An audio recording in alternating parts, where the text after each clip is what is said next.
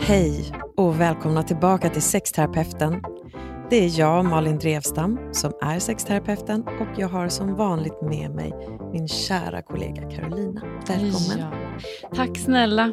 Idag känner jag också att det kan bli ett favoritavsnitt. Oj, vad spännande. Ja, för att det är så mycket spännande ämnen. Mm. Eh, vi ska till exempel prata om eh, hur man får in sex i livspusslet. Ja, den är spännande. Ja, den är spännande. Och sen också eh, att inte tycka sex är skönt och vad man gör om man upptäcker att ens partner onanerar i smyg. Mm. Så att det, känns, eh, ja, det känns som att vi kommer att ha eh, mycket att prata om idag. Mm. Och vi kör igång direkt med första frågan. Yes. Min kille och jag har ett bra sexliv. Vi bor tillsammans sedan tre år tillbaka, men det jag har märkt under senare tid är att han tillfredsställer sig själv efter att jag har somnat. Det här gör mig väldigt osäker på mig själv. Hur ska jag kunna ta upp det här med honom? Från en 28-årig kvinna.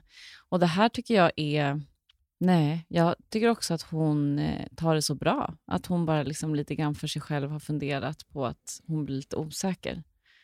Jag tycker ju också, vi har haft tidigare frågor som Mm. är lite så här, personen har stannat upp och undrat vad ska jag göra med det här jag har lagt Mm. märke till. Jag tycker det är otroligt fint första steg.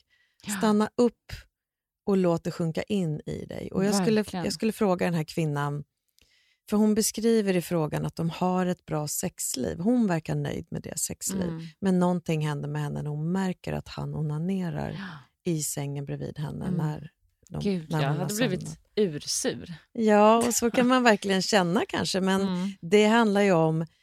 Jag hade frågat henne, vad, vad, vad betyder det för dig att upptäcka att din partner onanerar när du har somnat? Mm. Och om du bara skulle spåna kring vad skulle det kunna betyda för henne? Vad Mm. säger det att hennes partner onanerar när hon har somnat?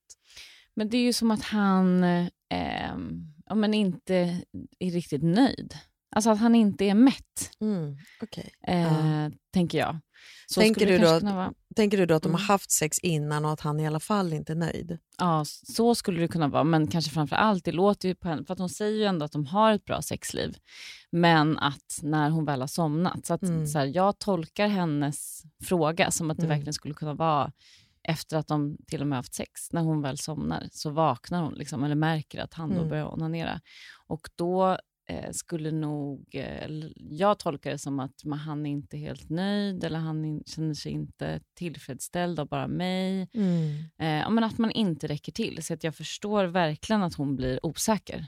Ja, och har man den tolkningen eller de tolkningarna så blir det precis som du säger helt begripligt att hon känner sig osäker.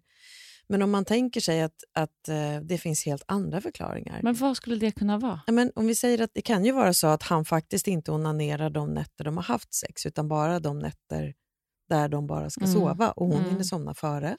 Han kanske har svårt att somna och brukar onanera för att kunna somna. Det är en jättebra avstressningsmetod för honom. Mm. Och om de då är nöjda med sexlivet, han brukar onanera för att kunna somna bättre, är det då ett problem?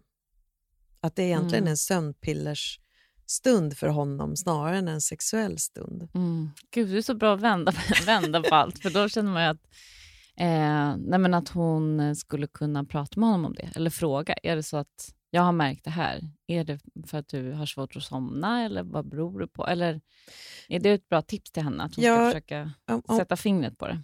jag tänker att det är, eh, är värdefullt att hon kanske säger jag har vaknat till någon gång efter att ha somnat och då märker jag att du eh, tillfredsställer dig själv. Mm. Är det någonting som jag behöver känna till om det eller eh, fyller det någon funktion som jag ändå inte kan göra eller är det någonting som Mm. du inte är nöjd med när det gäller vårt sexliv? Det är väl absolut relevant eftersom det väcker ju en känsla i henne och det kan vara väldigt bra att eh, ta upp saker som väcker osäkerhet Mm. eller obehag i en relation. Men om han då säger nej gud nej, jag är jättenöjd med vårt sexliv, jag brukar bara göra det för att kunna somna bättre.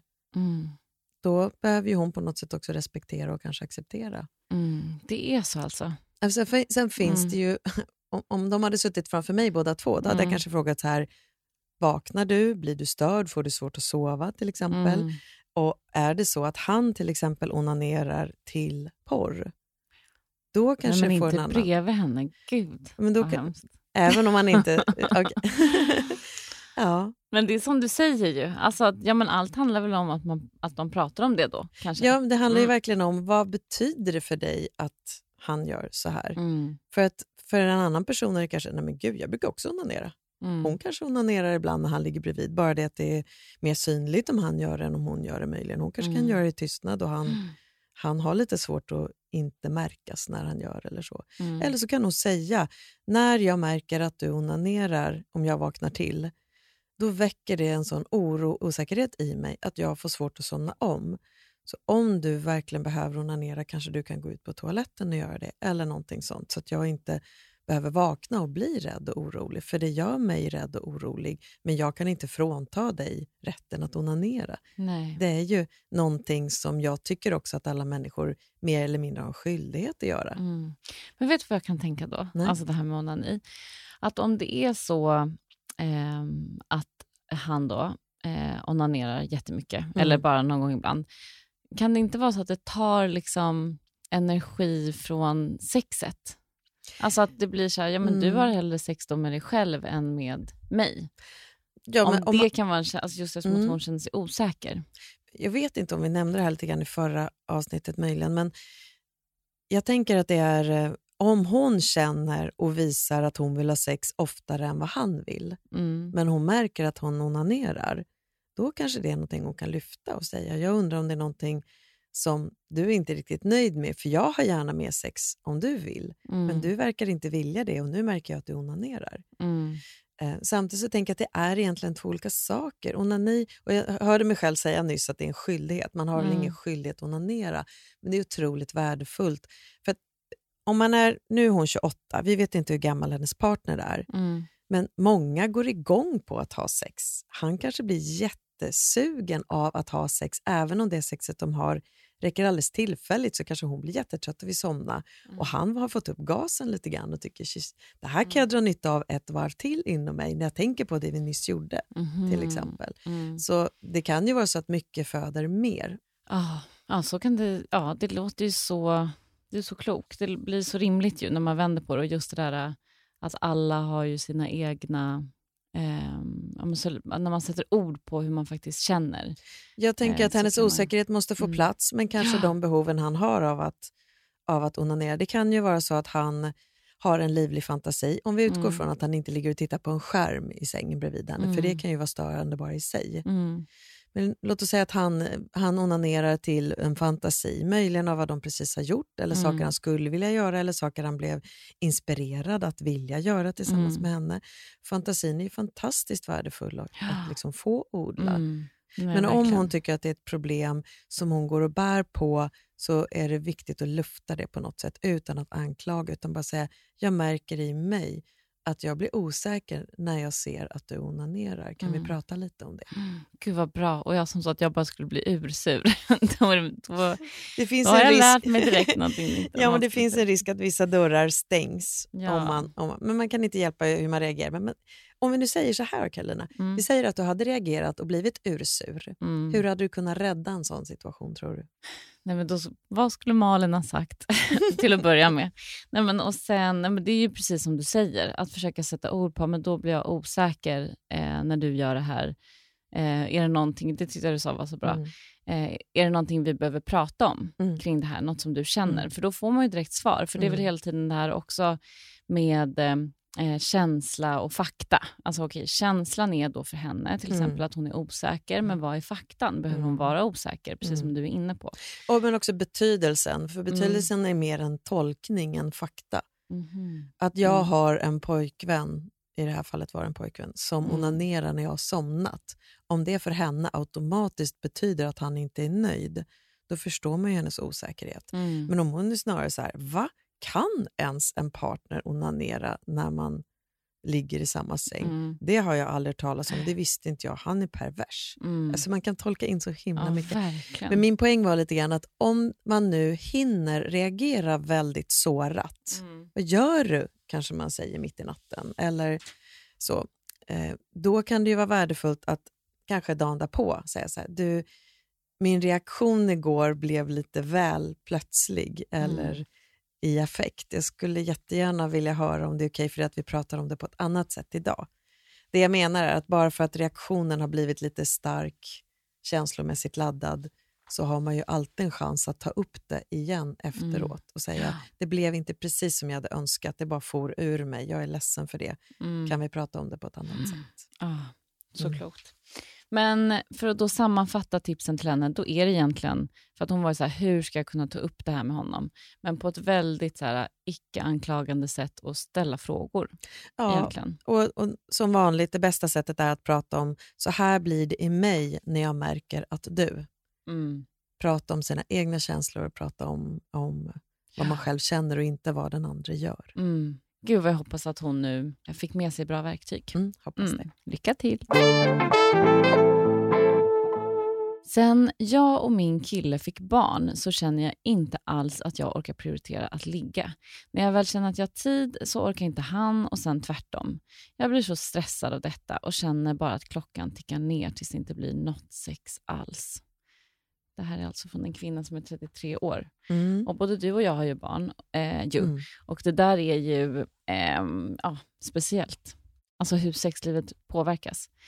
Vad säger du till henne spontant? Ja, det här är ju lite grann den livspusselsfrågan som vi nämnde inledningsvis. Och Tiden är ju väldigt viktig. Den här kvinnan, när jag läser hennes fråga så står det när jag väl känner att jag har tid så orkar inte han. Mm. Så jag tolkar det som att hon har lust när hon har tid. Mm. Men eftersom hon inte har tid så känner hon inte heller någon lust. Mm. Hur tolkar du det? Ja, verkligen. Det låter det ju som. Absolut. Ja. Så det handlar ju om att jag är inte rädd att jag har tappat lusten. Jag har inte tid att känna lust. Nej. Det är det jag hör frågan handla om. Men man har ju inte tid. Nej. Det är det. Och, och, och det är ju tid och ork kanske vi ska lägga till. Man kanske har tiden någon gång ibland, men då är man så trött att man inte orkar prioritera lusten, utan mm. då prioriterar man kanske ett bad eller att äntligen få ringa ett samtal eller mm. titta på ett tv-avsnitt eller vad det nu kan handla om. Och Då skulle jag börja med att fråga, för hon är 33 år, jag skulle fråga hur gamla är barnen eller barnet? Mm. För de har ju olika behov i olika faser i livet. Mm.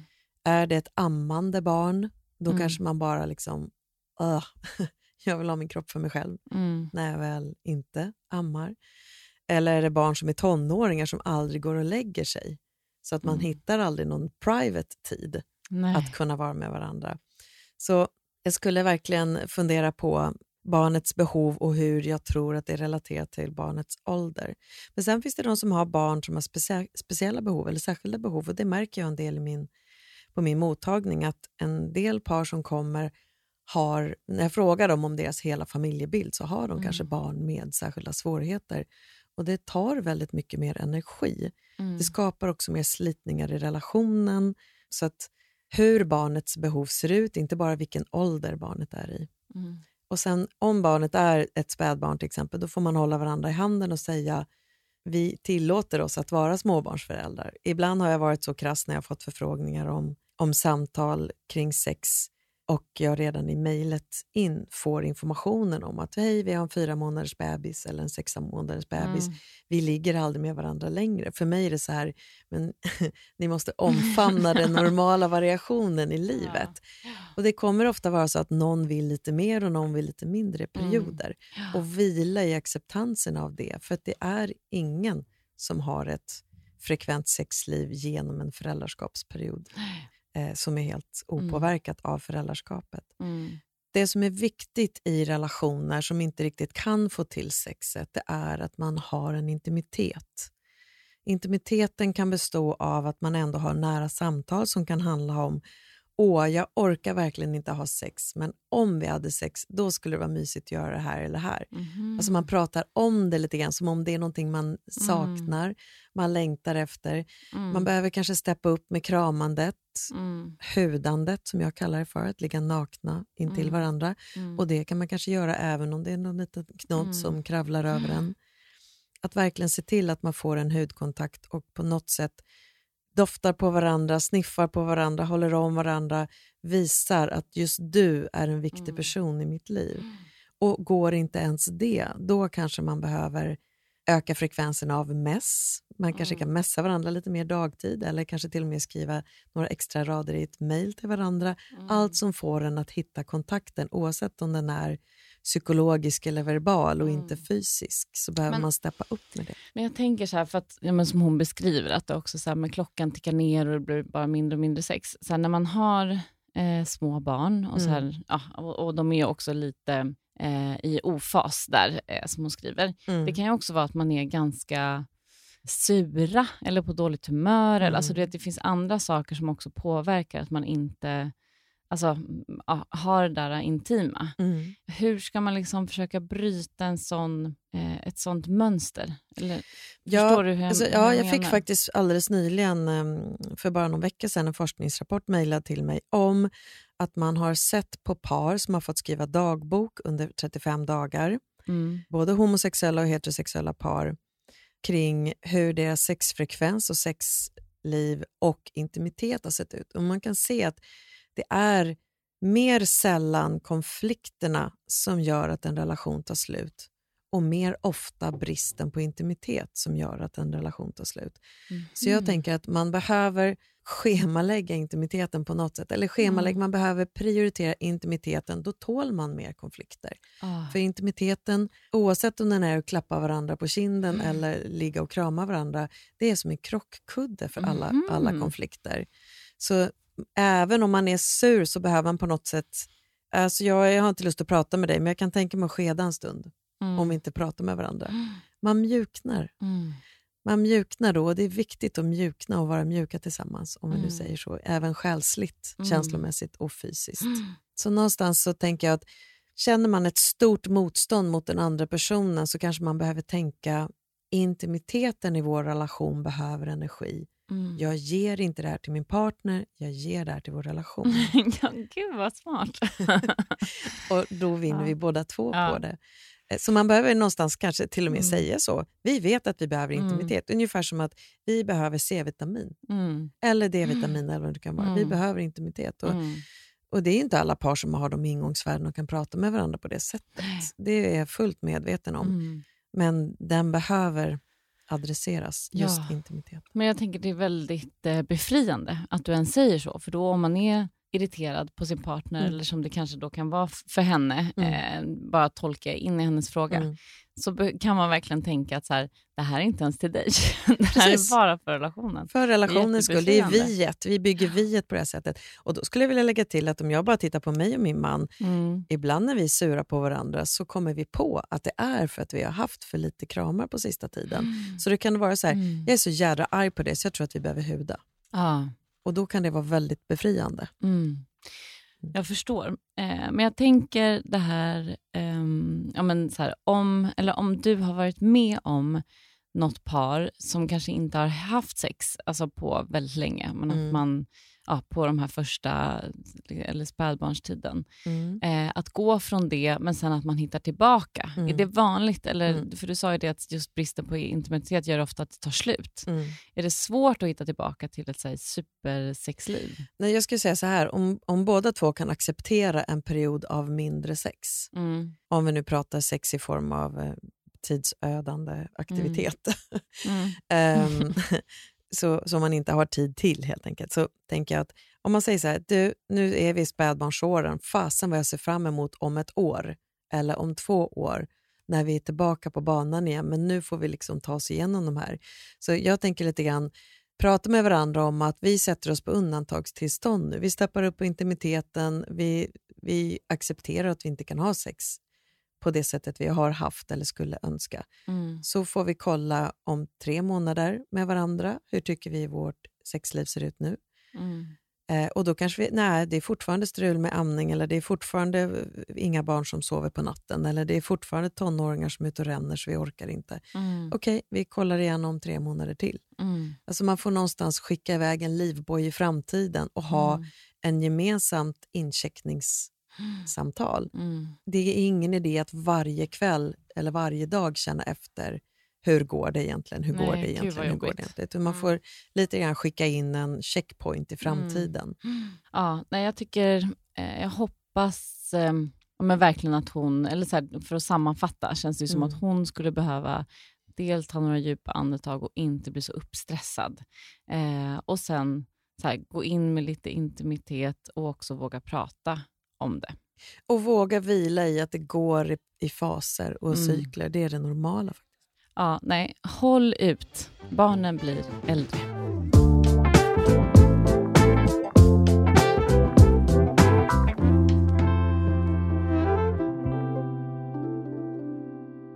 Hur mycket sex har vi egentligen?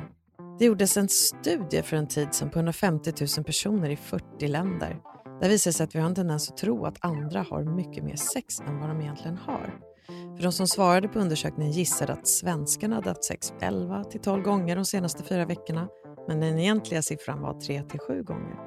I Mexiko antogs kvinnorna ha haft sex 29 gånger de senaste fyra veckorna, men det verkliga antalet var fyra gånger.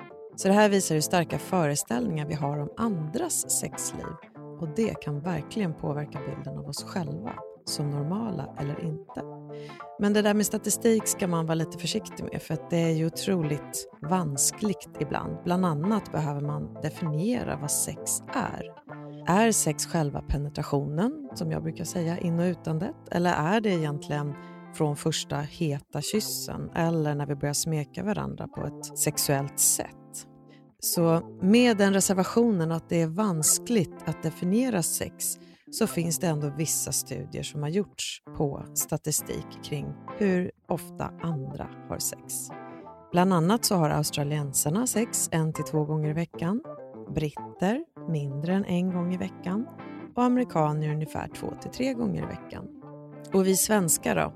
Folkhälsomyndigheten beskrev i sin studie som släpptes i maj 2019 att vi har sex drygt en gång i veckan, ungefär 1,3 gånger i veckan. På gruppnivå är ju det här, så det säger ingenting om de enskilda individerna. Så vi verkar ha en tendens att tro att andra har mer sex än vad de kanske har. Och glöm inte att det är faktiskt viktigare att du är nöjd med det sexet du har än att du har sex ofta.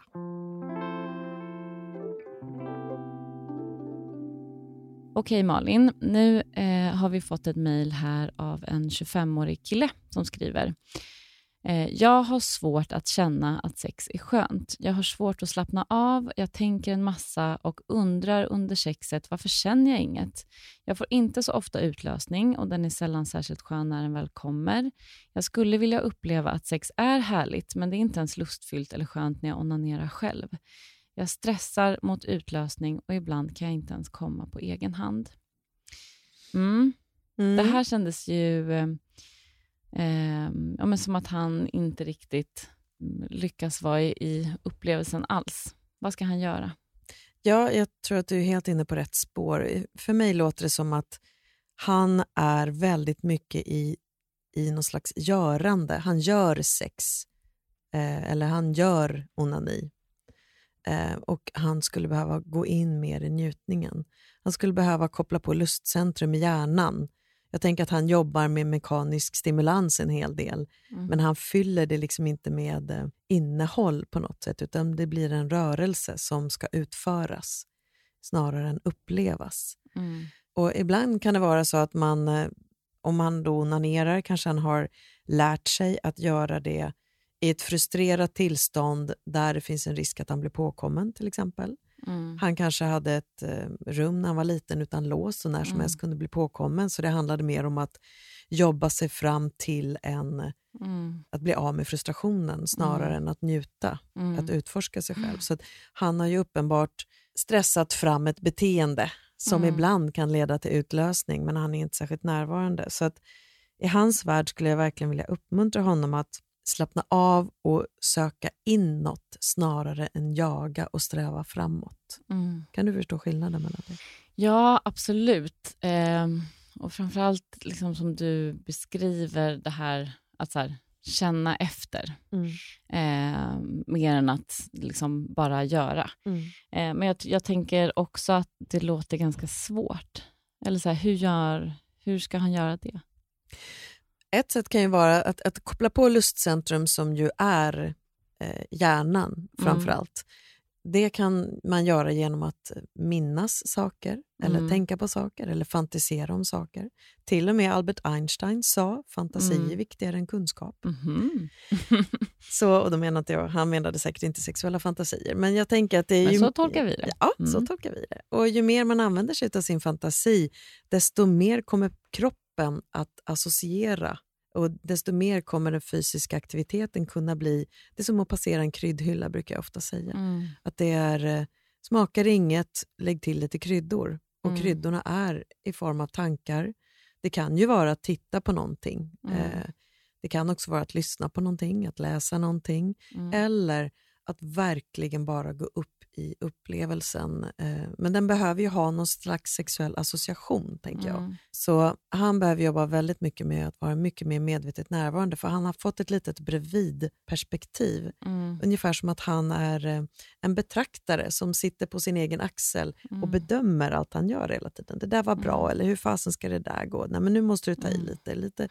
Så att på något sätt kliva in i förnimmelserna, de Mm. fysiska förnimmelserna, eller gå in i andra sinnen och minnen, Mm. helt enkelt.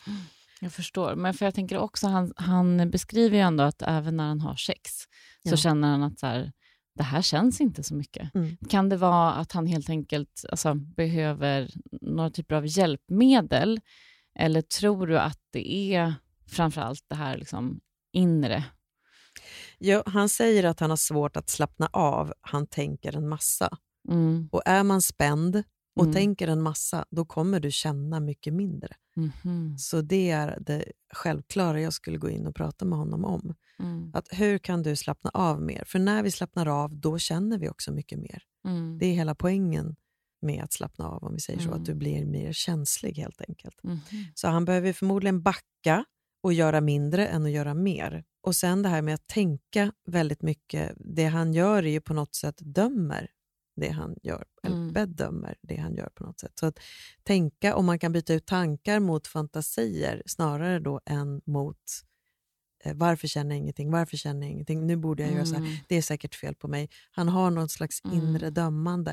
Och Jag istället tror att det är jättevanligt. det tror jag eller jag vet Det att det är med- väldigt vanligt. Ja. Ja. Så det handlar ju mer om Ja. att, att liksom så här, nu är det vad det är, men jag Mm. tänker ändå fortsätta se om jag kan hitta något mer. Mm. Jag vet att det här av. låter mycket enklare än vad det är, men om han, om han till exempel smeker sig själv, eller om han är med någon annan och upptäcker, gud vad jag är forcerad nu, eller åh vad jag är spänd, Mm. så kanske han behöver prata med sin partner. Jag märker att jag spänner mig. Kan Mm. vi byta ställning så att jag kan slappna av lite grann, Mm. till exempel?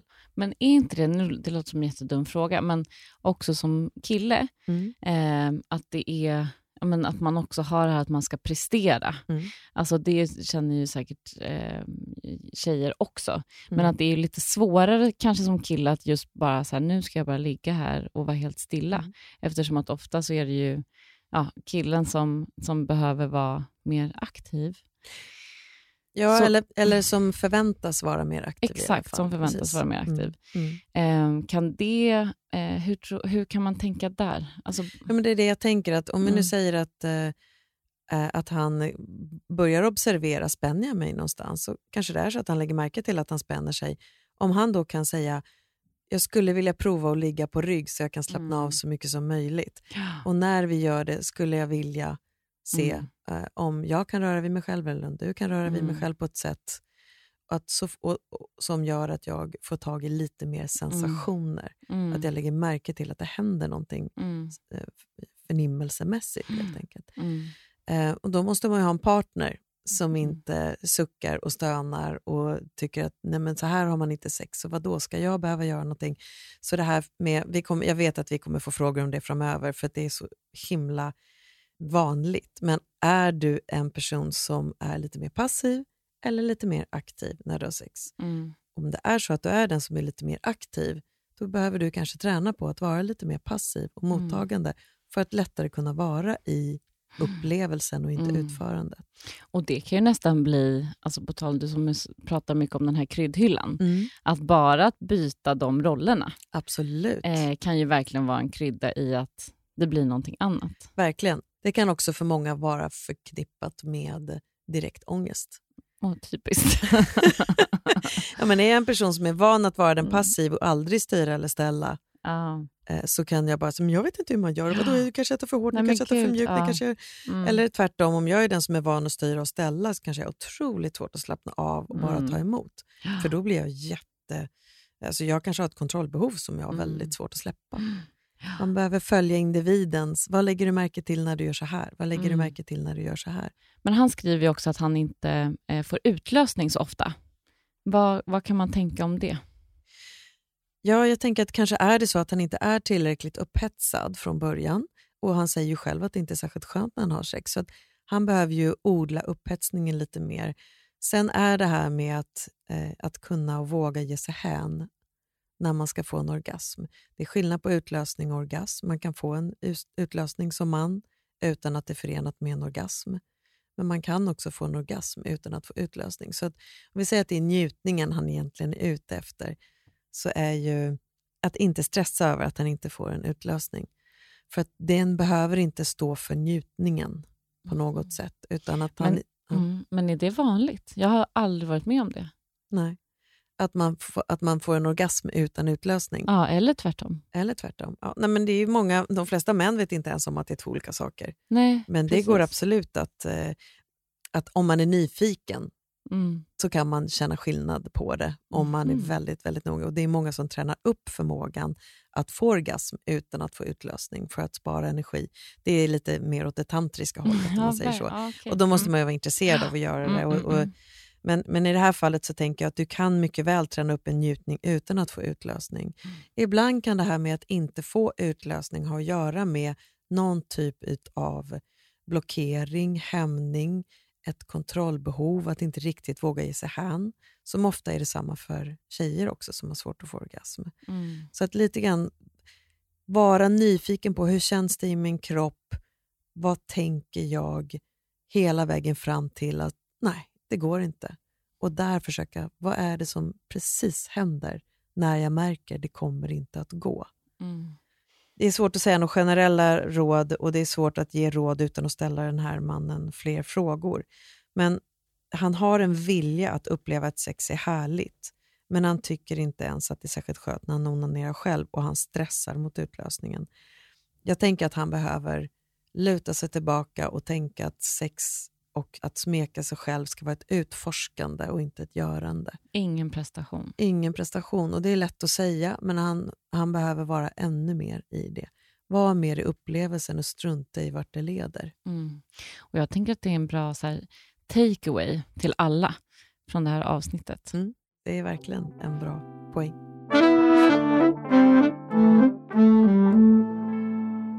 Veckans njutningstips handlar om onani. Jag skulle verkligen rekommendera dig att prova att onanera som du brukar utan att vara kåt från början. Bestäm dig för en kväll eller en stund där du vill onanera och så försöker du vara så medvetet närvarande du bara kan under tiden du onanerar. Poängen är att lägga märke till hur din kropp reagerar vilka fysiska förnimmelser och sensationer du kan lägga märke till när du smeker dig själv som du brukar. Hur känns din kropp när den inte är upphetsad? Och hur förändras känslorna i kroppen när du rör vid dig själv på sätt som du tycker om? Och när du lägger märke till att du kanske ökar andetagen eller fördjupar andetagen eller du kanske känner pirr eller ilningar eller spännande sensationer, vad händer då om du saktar ner lite? Sakta ner lite, lite grann i rörelsen för att se om du kan fördröja njutningen lite, lite grann utan att för den sakens skull tappa den. Hur kan du lära känna din njutning genom att vara extremt medvetet närvarande när du gör det du brukar utan att förändra någonting, bara vara extra mycket uppmärksam? Tack Carolina för att du hänger med mig här i studion. Oh, tack snälla Malin. Har man lärt sig massa, massa bra grejer även idag. Och glöm inte, eh, har du frågor eh, till Malin så ska du mejla in dem och det gör du till sexterapeuten at perfectdaymedia.se.